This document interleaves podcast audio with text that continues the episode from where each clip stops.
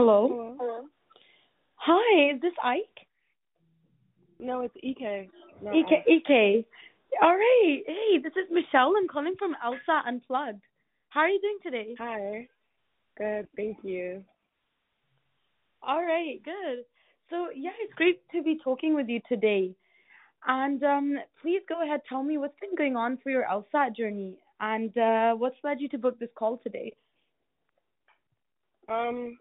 So I took the LSAT in November for the first time, Okay. and um, I scored a 145.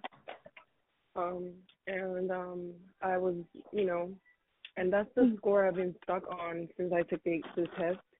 And I plan, and I'm, my parents are putting pressure on me to get in by fall semester, and so I've been Okay. trying. I scheduled another test for April, and you know, I'm trying Mhm. to take it in April, but um, all through January, I was looking for an avenue to to actually study, because like I didn't have the money to actually sponsor or um get a course or you know get Okay. a one-on-one tutor, and so eventually, what I decided to do was to just you know do it myself, and what I would do, Yeah. what what I started doing w- was to put the questions in Google and have it look up like you know how to solve the question, and I came across um LSAT Unplugged with Okay. Steve, and he was like explaining the questions and everything, and I was understanding it a lot. And after I was done taking it, um, uh, I kept on like, you know, going question after question after question, and I, you know, Yeah.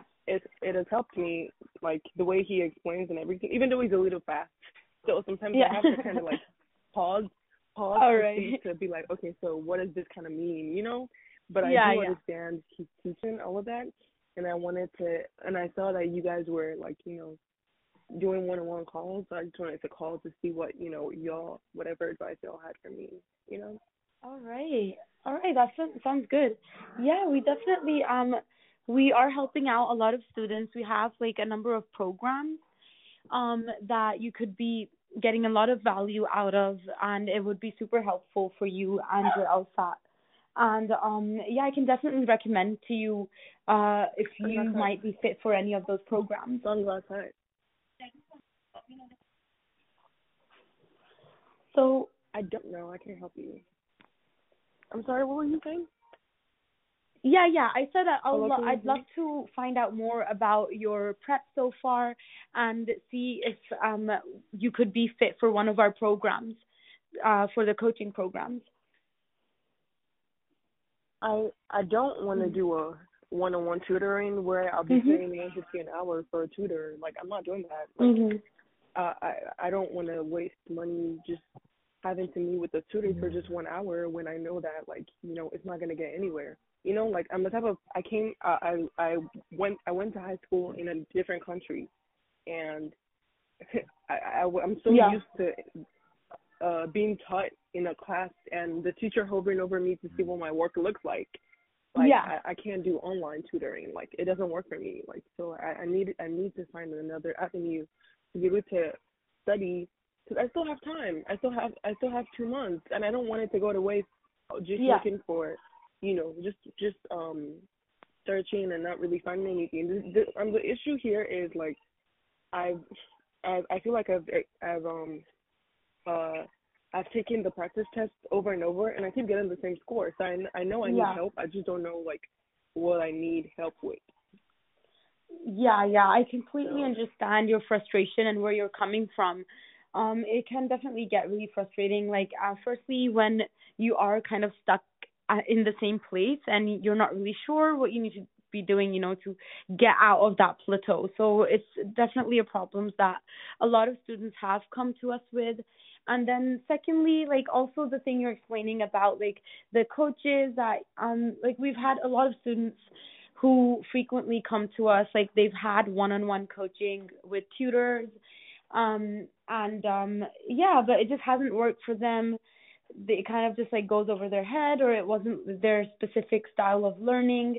And they feel like they've wasted like a bunch of investment um in the wrong place so i definitely yeah. see where you're coming from yeah. Um so like with our approach the most important thing really is to you know match the student and your specific kind of learning style. So whatever uh, firstly we don't really offer i wouldn't call it tutoring. Um, even with the one-on-ones that we have we don't call it tutoring because we're not just there to go over the curriculum and expect you to understand it right? Um, we Yeah. are really coaching students in a way that um, like above and beyond just the curriculum so whether it's your LSAT journey, like how when you need to give the test uh, or struggling with test anxiety, time management, uh, figuring out like a proper study plan, how you need to approach different kind of questions, how you need to approach different kind of situations, and also with the frustration you have about like being stuck in the same place. Obviously, you need to first figure out what the problem is before you can just like you know go on to actually solving it and that is not only Yeah. solved by simple like tutoring that that that's not going to bring you out of that plateau that you're stuck in so yeah when you Yeah. have that full kind of 360 support with the coaching it go- goes well beyond just the curriculum so we are going to help you figure out exactly why you might be stuck in that specific um like score area and what you need to do to really break break into like the 150s, 160s, even 170s. Like, what would you say is your goal score? Um, I would say I'm Mm. definitely like, I'm I'm drifting. uh, Initially, when I first wanted to take the exam, like a 170 was my goal score, but I know that like with the time that I have between now and you know, uh, April, I Yeah. I would need to invest more time if I wanted a 170. So now I'm now I'm aiming for for the 160. All right, got it. Yeah, and you said that you have been like stuck in the 145 kind of area, right? hmm Yes.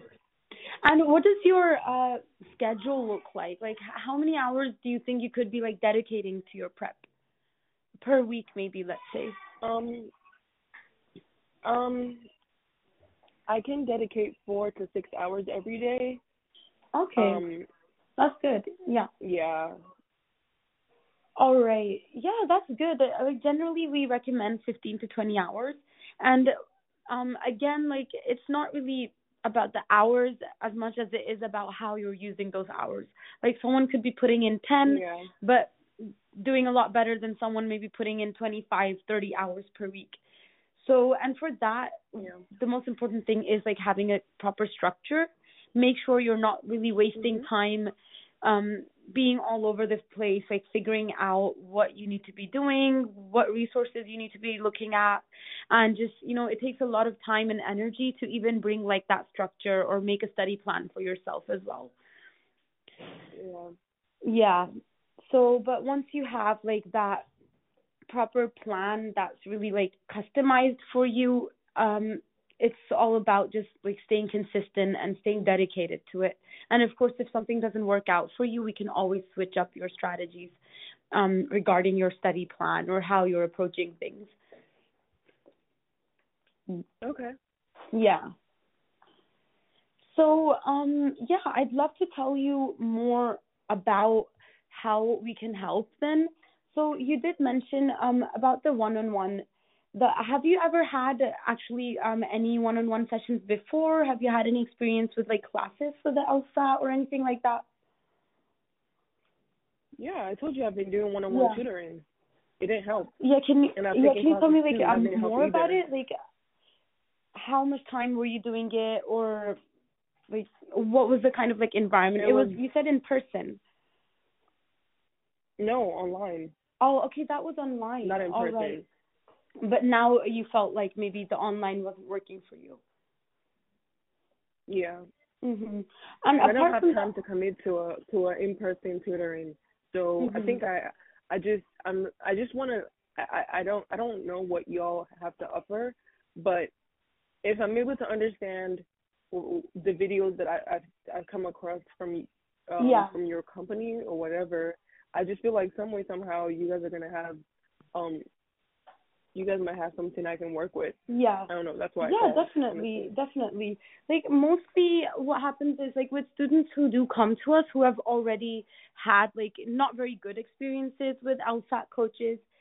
Um, the biggest problem there that we tend to see is that those coaches are kind of using like the same kind of strategies and expecting you to understand it. So they tell you how to do a specific problem, but they're not really teaching you like at the base of the problem. Like you, you maybe they're not teaching you the concepts. Maybe they're not adapting to your specific, unique kind of learning style. And um, like Mm-hmm.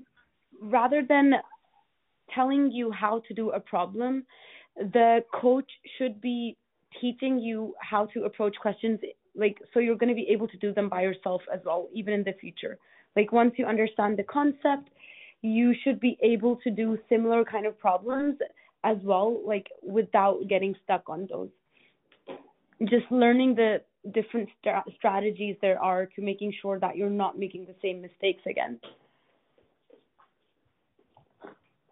Okay. So yeah, so our coaches they are um very adaptive. So we do focus mostly on the student and how you are understanding something. If it doesn't help, then we always have like um the like we encourage you to tell us what's working for you, what isn't working for you. We work with you very closely um, to figure out exactly what we need to do to make sure that you do see the progress that you want to see.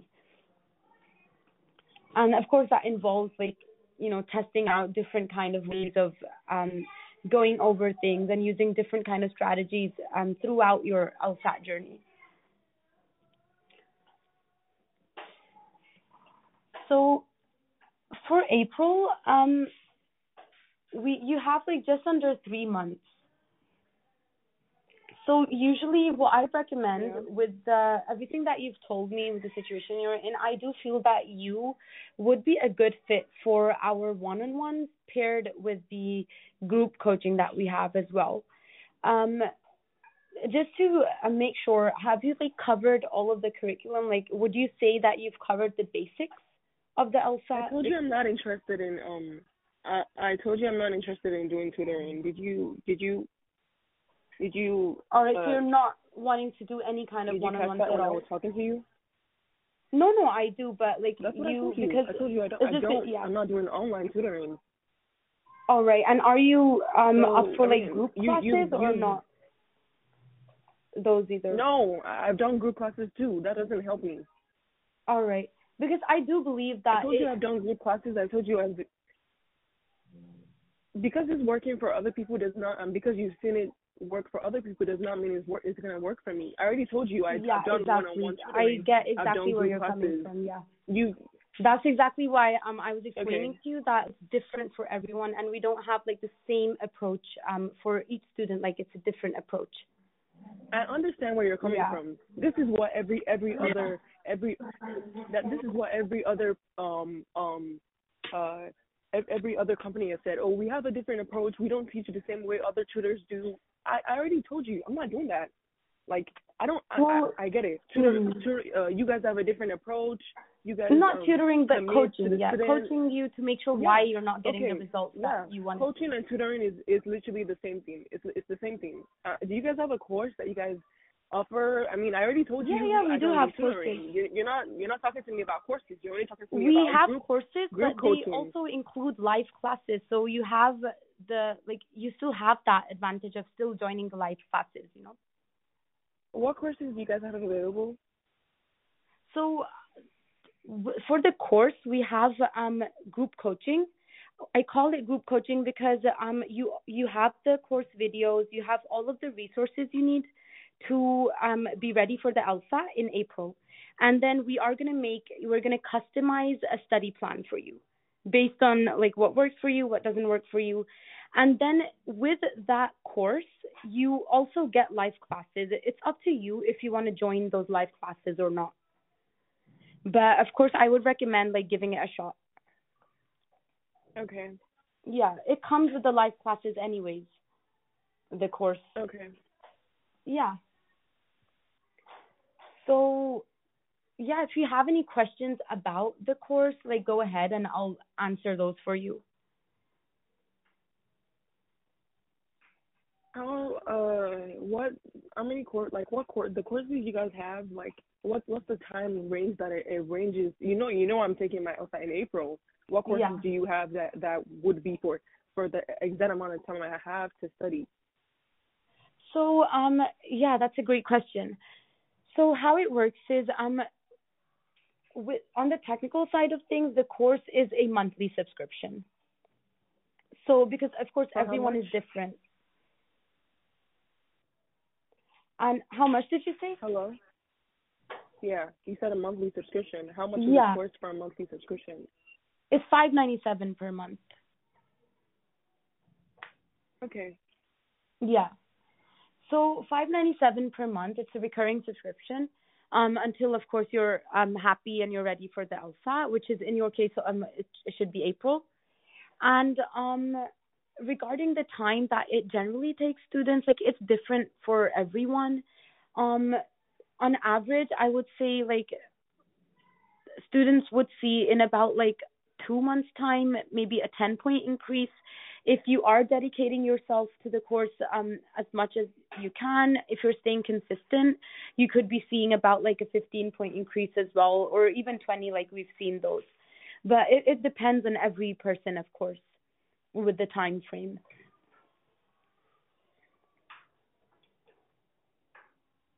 do we only talk to coaches or do we also get a chance to talk to Scott Uh, did you mean Steve?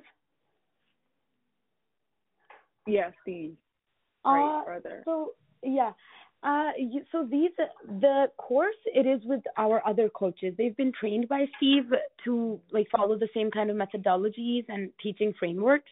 But the group coaches like um it's not done by Steve. He only offers one on one.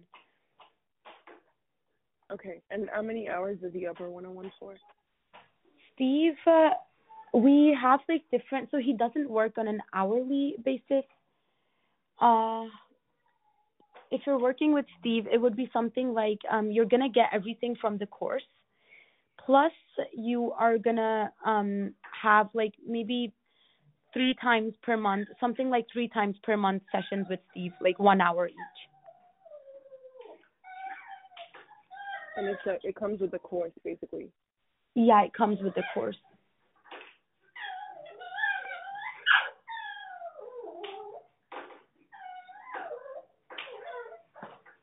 I'm sorry, what's like that background noise? Um, I'm sorry, just a moment. Oh. Yeah. So, are are you interested in the ones with Steve as well, or would you like me to tell you more about that? No, I'm I'm okay, thank you. I just Yeah. wanted to find out about the courses. About the course? Yeah. So, I would recommend the course for you, um, as well. That's why I only mentioned the group coaching. So, yeah, you're gonna basically have everything you need for the April LSAT, and um, as I just explained, you're gonna have your customized study plan.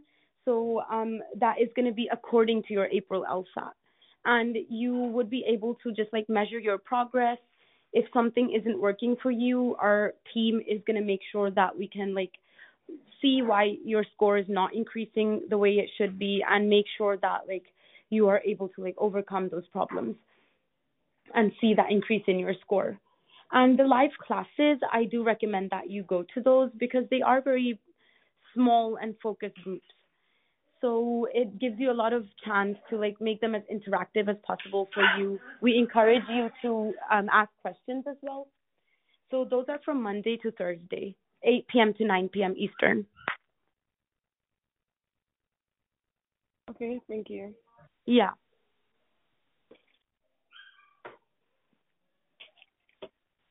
Okay, thank you. Um, I'm done. Yeah, you're most welcome. That's all I have to say.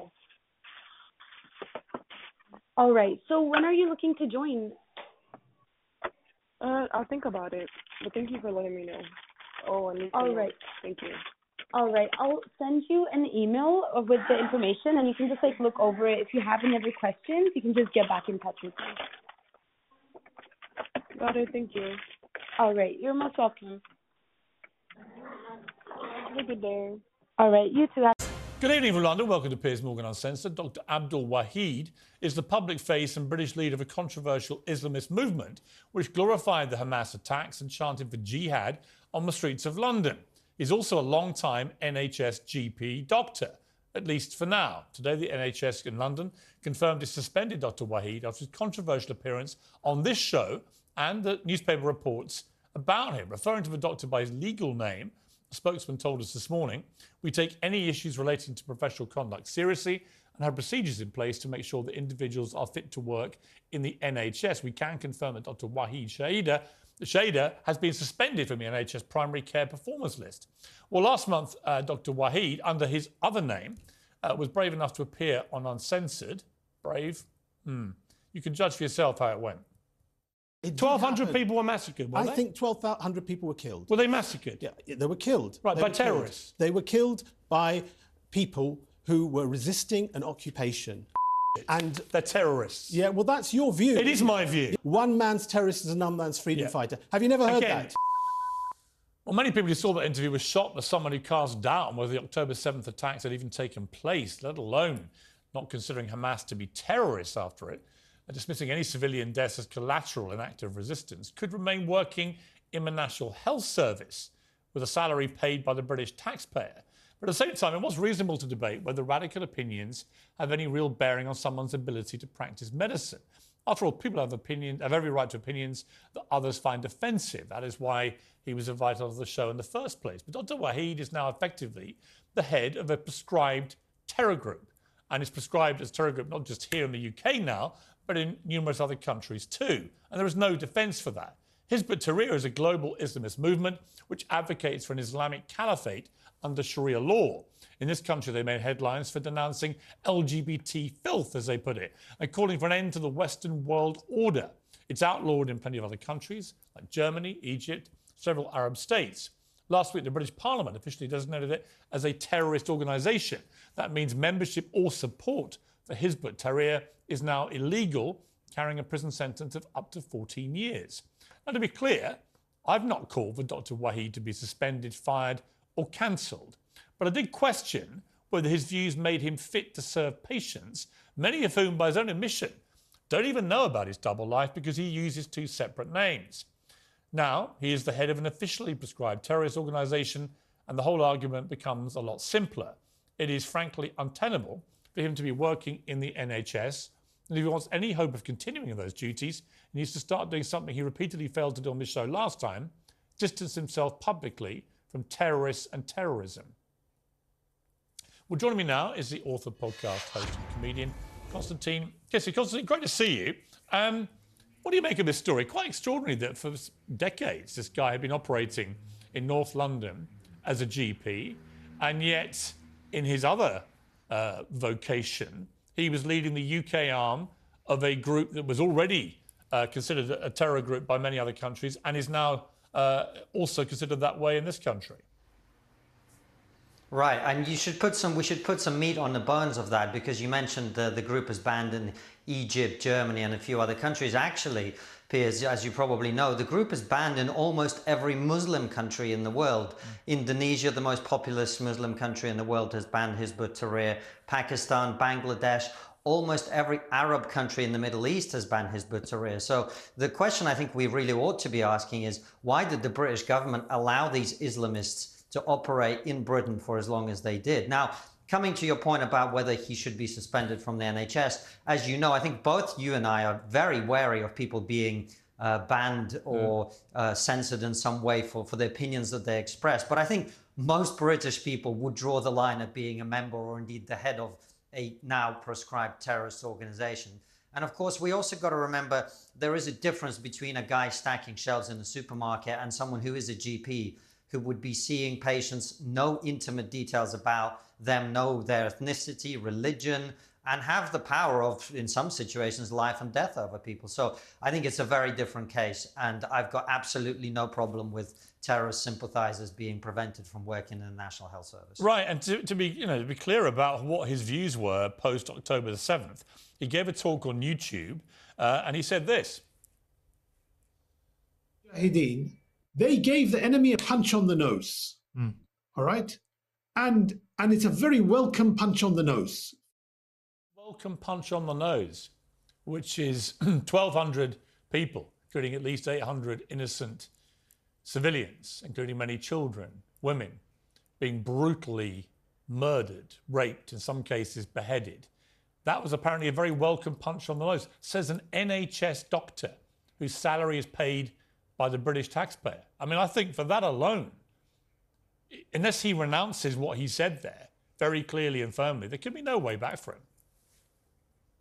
Well, quite, and I think you know if he were to renounce it, I think we'd all question how legitimate and how sincere that renunciation would be, given his uh, body of work, let's say, on, on this issue. I think there are some people who've been tolerated for far too long in our country, and uh, members of Hizb ut-Tahrir, which is now thankfully prescribed, uh, if they're not citizens of this country, I think the British people will be asking, why are they still here?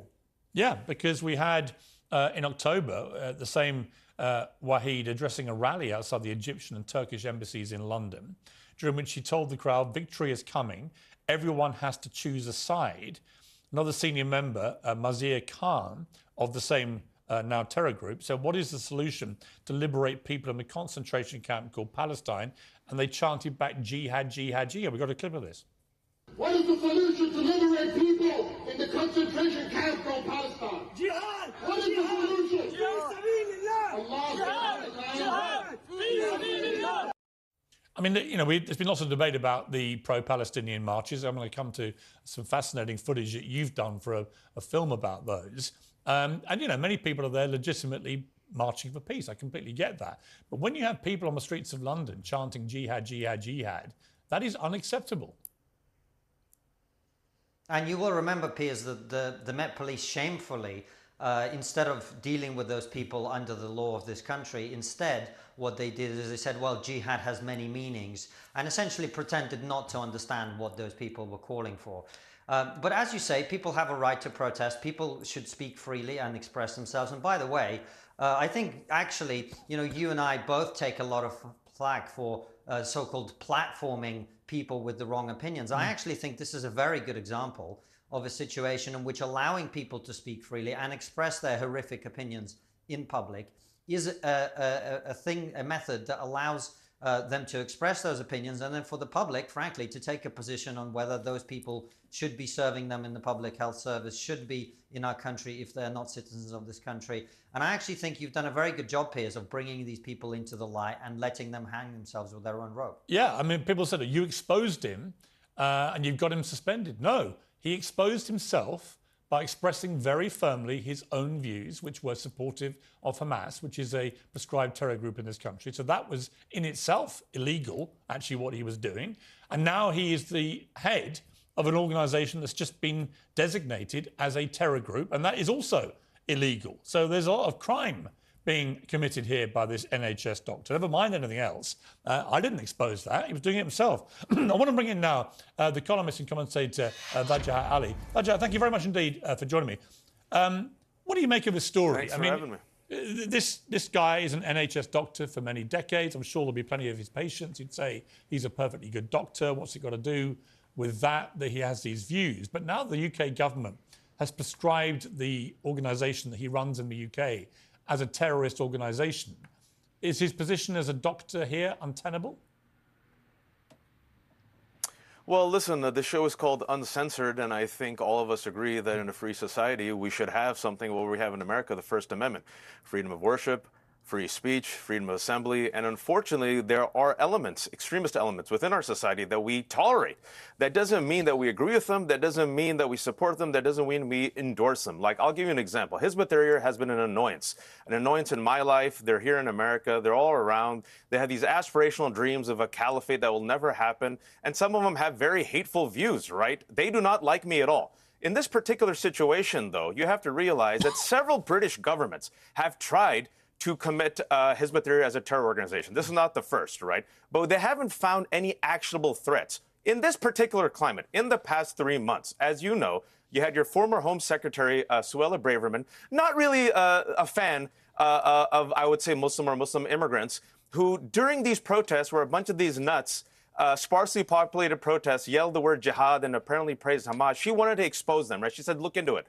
And then now, in the past two weeks, you finally have exposed them as a terror group, quote unquote terror group, but there are zero actionable terror threats. So, what happens in this uh, situation? It reminds me, Piers, as an American, of a post 9 11 climate where you had 19 foreign Muslim hijackers who brought down the two towers, and the country lost its mind and used that as a giant net to go after a bunch of Muslims. We did a registry program. We uh, deported 13,000 immigrants. We literally had the NYPD, Piers, in this country mm. surveil Muslim mosques, Muslim students, Muslim grocery stores, right? Anyone who said the wrong word. People were kicked off of planes for saying Arabic words. So I'm sitting here and I'm, I'm listening to your conversation, and I think you did the right thing. These nuts who exist, right? You expose them, you marginalize them, mm. you bring them on, and then they go into the fringes of society. In America, we have the KKK. In America, if you look at this, there's a Capitol right behind me. There are people who did a violent insurrection against the United States in that Capitol. We have elected officials in America who call those people political prisoners and martyrs. They're elected. Uh, people who incited violence against our law enforcement. So I think the the what you what I hope you're not doing, and I, I feel like you're doing, is this giant net, this giant hammer to crush them. I think it will not make things better in, in Great Britain and in Europe, and I think it will give fuel and fodder to extremists on both sides the right wing uh, militant uh, nationalists, the white nationalists who attacked the police after Home Secretary Braverman's article. You remember that?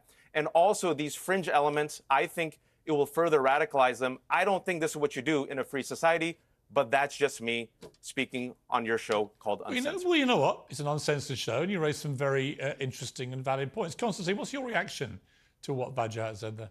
Well, my, re- my reaction is I, I, encourage all our viewers to go and uh, watch an interview with the UAE foreign minister uh, given in 2017, in which he warned Western governments that their obsession with uh, political correctness, his words, not mine, and being unwilling to deal with Islamic extremism in the way that it should be dealt with, uh, will lead to more terrorism and more violent crime in their countries. And that uh, interview has gone super viral on the internet precisely because of how prophetic it was. Uh, if, as I said earlier, almost every Muslim country in the world considers these people to be Islamic extremists who are to be banned, I think we should be learning from them uh, on how to deal with these people instead of thinking that we in our liberal society are able to integrate all these people. These people do not belong in this country and their views do not belong in this country. And as I say, if they're not citizens of this country, they should not be here. Yeah, you know, it's interesting. I, when I walk around now, because there's been loads of memes about me, because of all the big interviews we've done. and it always has me dressed up as some reporter saying, Do you condemn Hamas to inappropriate people all the time? And I get asked it in the street now, Do you condemn Hamas? Like it's a joke. And I said, You know, I always reply to people, You know, you have to start with that question. Do you condemn what Hamas did on October the 7th? And do you accept it's a terrorist attack? Because if you can't accept that, Wajahat, to me, if you can't accept that basic fact, uh, which we saw not because people invented those uh, those monstrosities they committed, but because they openly, brazenly broadcast them to the world through their own technology, because they were proud of what they were committing. I don't think if you, if you don't start from a position that you condemn what Hamas did, I don't really have much time for you. Then why are you in a democracy? Why do you claim to be an enlightened government? Why are you any different from authoritarian Muslim countries that crack down on any group, any group they don't like. There's a reason why we have the First Amendment. There's a reason why you have a freedom uh, of assembly, of association, of a free speech. Because, like Voltaire said, I don't agree with what you said, but I'll defend to the death your right to say it. That doesn't mean you like them. I'll give you an example. In the United States, we have the KKK, an actual terrorist group that committed terrorism against black and white Americans. They still exist. They have the right to assembly. They do their stupid marches like cowards. They put on their masks. I don't know if you saw that viral video. It went mm. viral that a bunch of them wearing white masks in New York got stuck at a turnstile because they didn't know how to use uh, the New York subway station. Just exquisite. It was like a Mel Brooks scene. But they exist. We had literally people saying the Jews will not replace us, and Donald Trump said they're very fine people. We literally have people, like I said, going against this Capitol right here, committing a violent insurrection. But for some strange reason, when the number one domestic terror threat in America and also increasingly in Europe and the UK is white terrorists, white nationalist terrorists, white extremists, I never hear anyone say, you know what, we should ban them. We should deport them. Oh, what, what I instead hear is they have economic anxiety. The double standard here at play has to be exposed, right? And I want people to really think about what they're really advocating. If someone doesn't like your speech, you know what? you're not just going to be uh, not tolerated, you're going to be deported, especially if you're a person of color. How does that make a multiracial society that is both the UK and America safer and better, especially, and I'm speaking now as an American, and you know in the UK, the rising domestic terror threat is not Islamic extremism, which, by the way, exists. It is white nationalist extremism. Not a single word about that. But I hear all these free speech advocates, all these people are all about Western civilization, all, all of a sudden turn to censorship and all of a sudden become authoritarian when it comes to Muslims and people of well, color. I, yeah, hang on. Why is that? Hang on. Piers, let me educate your guest a little bit about Okay. his own country. Uh, Oh, so please educate all, me. Please educate calling- me. I, I'm about to. Be quiet, and I will. Now, first of all, nobody's calling for people to be deported because of their views. We have laws in this country against uh, organizations that are prescribed as terrorists, and I have no problem with terrorists being removed from this country under the laws of this country. Secondly, Donald Trump never said that the people calling uh, for the eradication of Jews will find people. If you go and look at his quotes, he actually condemned them mm. and they said they should be condemned absolutely. But the people who were there protesting about the statues, they were the ones that were fine people. Now, you should educate yourself about those things. And thirdly, you should educate about the fact that, regrettably, I would quite like to have a First Amendment here in the UK. We do not have a First Amendment, and I would have a lot more sympathy with your argument if we hadn't spent the last 10 years watching people be sacked from their jobs for saying women are women and men are men. Yeah, and I would also add that when you say that I'm not respecting free speech, Wajahat, when I say I I don't respect people who won't condemn Hamas, they're in. I didn't say you. No, no, but they can say it. They can say it. I just don't have to respect it. It's a bit like when I block people on Twitter. Of course, People- you don't have when to respect it. No, but when I when I block people on, on X, for example, or formerly Twitter, and people say, "Well, you're suppressing their free speech." No, I'm not. They can still tweet what the hell they like. I just don't have to read it. I don't have to hear it. You know, that this that actually is what free speech is. And the First Amendment, which is one of the most powerful protectors of free speech in the world, it doesn't cover many things from child pornography to defamation to all sorts of stuff is is not protected by the First Amendment. And nobody, I don't think, who looks at this sensibly would say that a terror group that espouses not just hatred but violent hatred and the mass killing of people that is never protected by free speech, is it? And should it be? Uh, it, it shouldn't be, but listen, this is interesting. Uh, speaking about education, allow me to retort and educate. And I'll give you an example about the double standards, and I want you guys to really respond to this. Speaking about terrorism and violence, on the platform you mentioned, X, also known as Twitter, one of the wealthiest men, Elon Musk, has repeatedly promoted the replacement theory, an anti-Semitic uh, anti- anti-Semitic conspiracy that blames Jews for trying to weaken and replace Western civilization with Muslims and immigrants and LGBTQ communities. Right? That conspiracy theory has radicalized individuals to commit violence against Jews, against Muslims, against Black people, against Latinos. That conspiracy has been retweeted and platformed and mainstreamed by the Republican Party, people like Elise Stefanik and Donald Trump, who, by the way, dined with Nick Fuentes, Yeah, the did. leading white nationalist leader in America. You guys are fine with that.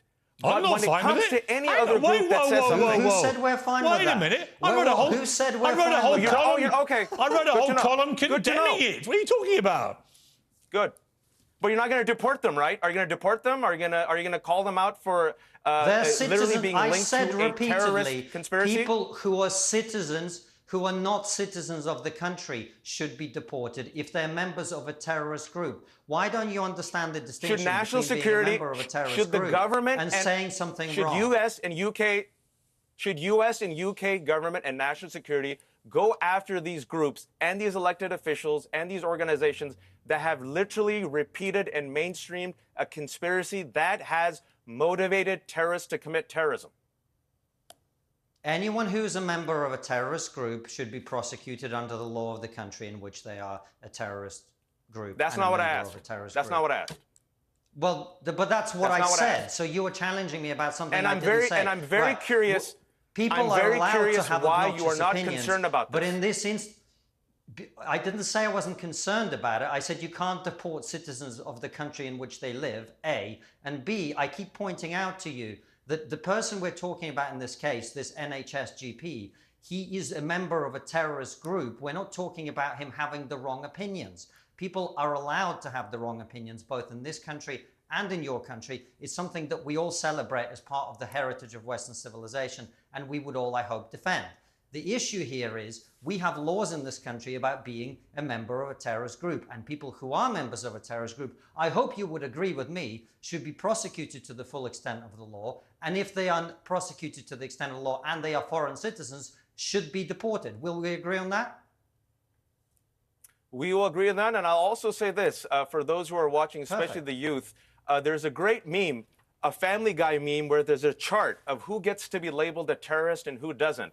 Uh, the front part of the chart is when you have light skin, you're not a terrorist. When it gets Why darker do you and darker, always, people like you always bring race into it? It's got nothing to do with race People like and me. everything to do with people who kill people. Mm. Yes, people yet, like you, race I baiters have not like heard you. Yes. and I've not heard you really express this much outrage against the number one domestic terror threat against all our uh, communities in America and the UK, which is rising white Bro, nationalism. I am a, word, dark but you seem skinned to have a first lot. generation immigrant to the UK. I don't play your racial games. Stop using your skin color as a way to shut other people up and let's talk about the issue. The issue here is should we tolerate people. foreign But let's in our deport country, people or and let's should we remove down. them? And my opinion is we should remove people who are not conducive to this country. And if someone like me, first generation immigrant, comes here and wants to be a terrorist, it is first generation immigrants like me that are at the front of the queue to get them out. Okay. It's been a fascinating should debate. Remove Uh, people listen, I think who are you, not you, conducive to the listen, it's society. been, it's been a fascinating debate. I actually think Who that are terrorists, yes. I actually think, Wajahat, to be fair to you, I do think that the white nationalism uh, related terrorist acts that we see increasingly is never played up as much, actually, as Islamist terror was, particularly in the heyday of Al Qaeda and ISIS. I think it's a perfectly valid point to make, for what it's worth. I think I've made that point actually before. Um, before I let you go, uh, Konstantin, you've done a lot of filming with the pro Palestinian marches in London. What did you find? Well, I actually went over the last uh, few months, Piers. We went to the protest against anti-Semitism. We went to two pro-Palestine protests. We went to an Extinction Rebellion, uh, Rebellion protest, which was very, very funny. I encourage people to go and watch that. But at the latest uh, pro-Palestine protest in particular, there were some fascinating scenes. And, you know, we really tried to talk to people with an open mind. I don't have, a, actually, contrary to the discussion we've just had, a particularly strong uh, position on it. I'm interested really in getting people's views. And one of the things that came through very strongly is uh, young people in particular, of whom there are many. The way I would kind of describe the demographics are it's a mixture of sort of beards and headscarves on the one hand and septum piercings and colored hair on the other. Um, the young people who are there in particular, when you ask them very, very basic questions, you know, from which river to Well, which let's take a look at a clip. uh, Actually, you we've got a we've got a clip Yeah. with some of this. Let's let's watch it here. So I just noticed the signs that you got from the river to the sea, Palestine will be free. What does that mean? Well, it's quite self-explanatory. How would that come about? What would happen to the Israelis, etc.? I don't. I don't. I'm trying to think of how to word it. Isn't it just as self-explanatory as the area of land? It's Palestine's land. What's a socialist intifada? If I'm being honest with you, I just got this at the stand over there. Okay. Uh, I don't actually know the definition of the word intifada. I mean, it's kind of laughable. I don't think for a moment that a lot of people on that march are that ignorant about it. A lot of them clearly are well informed and are are absolutely marching because they want peace and they want to cease fire in Gaza. I completely understand that. But Wajahat, when you hear that, there are a lot of young people joining up in these marches who are completely clueless. And I actually blame TikTok more than anything, which is the number one news source now for kids under 25 and spews just relentless nonsense into their heads. And that's where they get their news. Uh, this is where I'm going to stand up for the youth. If you look at the youth, it's been a stunning change where most youth people, uh, youth here and abroad, are actually, if you will, pro-Palestinian and want the occupation to end. And the flip side to that, Piers, I would say, is the following: for those who are watching, we're the same when it comes to Facebook, we're the same when it comes to X, and we're the same when it comes to mainstream media.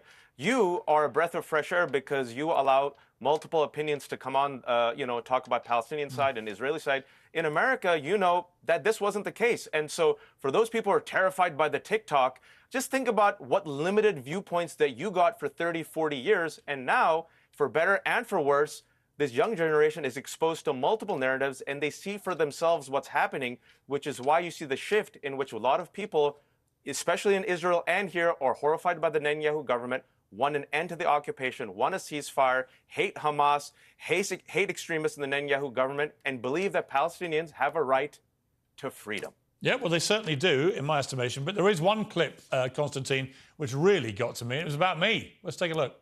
So I see you've got a sign there that says journalism that get paid for selling lies, and I'm guessing that's Piers Morgan, right? Why do you say that uh, this is journalism that's selling lies? Uh, it's very obvious what is going on, all the lies about what happened on the October 7th, the justification for the genocide, they're all based on lies. When you say lies about October 7th, what do you mean? All those allegations that we never saw any footages of, of decapitated children that Piers Morgan always asked about, and all those women that get got uh, gang raped. I mean, it was quite extraordinary, Konstantin, because one of the problems with platforming everybody actually for the last three months is you end up with the extremes on both sides hating you with equal vengeance and often being completely ill informed actually about what I've actually said. Um, but it was enlightening to see that because I see that all day long on social media, that kind of view, which is really based on a lack of reality. Well, there was a lot of that going on in the protest. And interestingly, I mean, you say uh, most people there are well informed. Uh, we released in that half an hour documentary that people can go to Trigonometry, our YouTube channel, and watch. We released every single interview that we did. Uh, so we haven't cherry picked these moments right. to make people look bad or anything like that. It contains, uh, they're shortened down, but they are basically the content of what people said to us. Okay. And I have to say, most of the people we spoke to a didn't really seem that actually that well informed most of them mm. and secondly i would say that was an awful lot of the sort of thing you just heard where people have some kind of way of pretending october 7th didn't happen. In fact the first person you see in the video talks about how it's a false flag operation.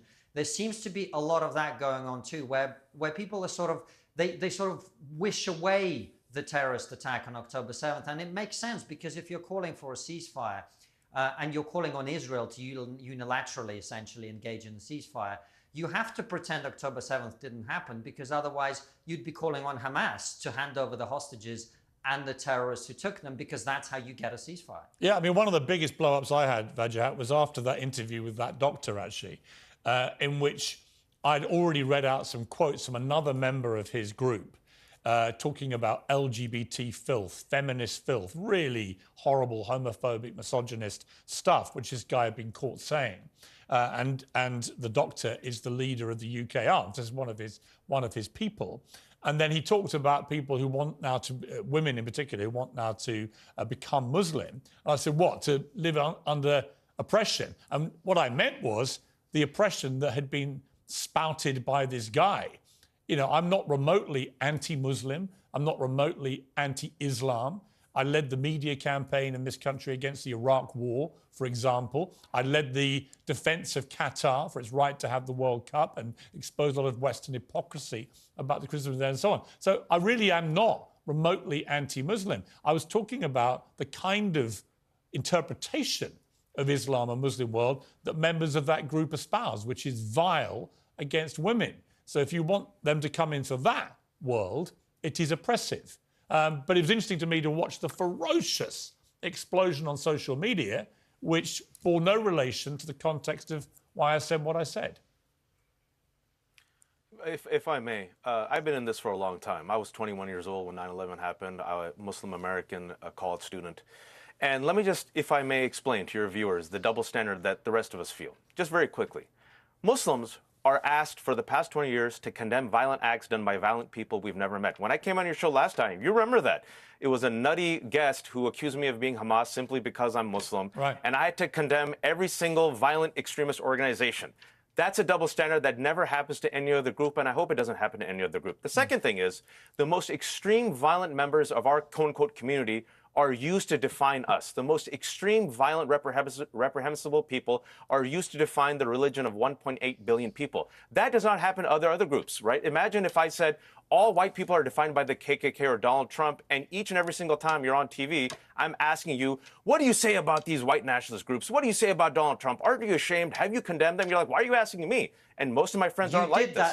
and then finally, the warning the warning I want to give, the warning I want to give here is you and I, Piers, had the foresight to see the devastation of the war on terror. You and I were the ones 20 years ago who hmm. were against it. For those who are watching, especially in the UK, learn from America's mistakes. When you use fear and anger and rage to create domestic and foreign policies, it leads to extremism, it leads to divisions. We had a war against Iraq and Afghanistan. We had a quagmire. We had people being deported. We had a chilling effect. We had a trust deficit between law enforcement and American Muslim communities. We had a rise in hate crimes. Learn from our mistakes and don't Okay. let the worst of you and your worst fears contaminate what you have in, in, in the UK, which is a multiracial society. You still have hope. Uh, Wajahat, thank you very much indeed for joining me, especially at late notice as it was today. We appreciate it. Konstantin, always great to have you on. I, com- I commend that film you've made. It's very enlightening. People can go see it on the Trigonometry uh, website, which is well worth half an hour of your time. Thank you.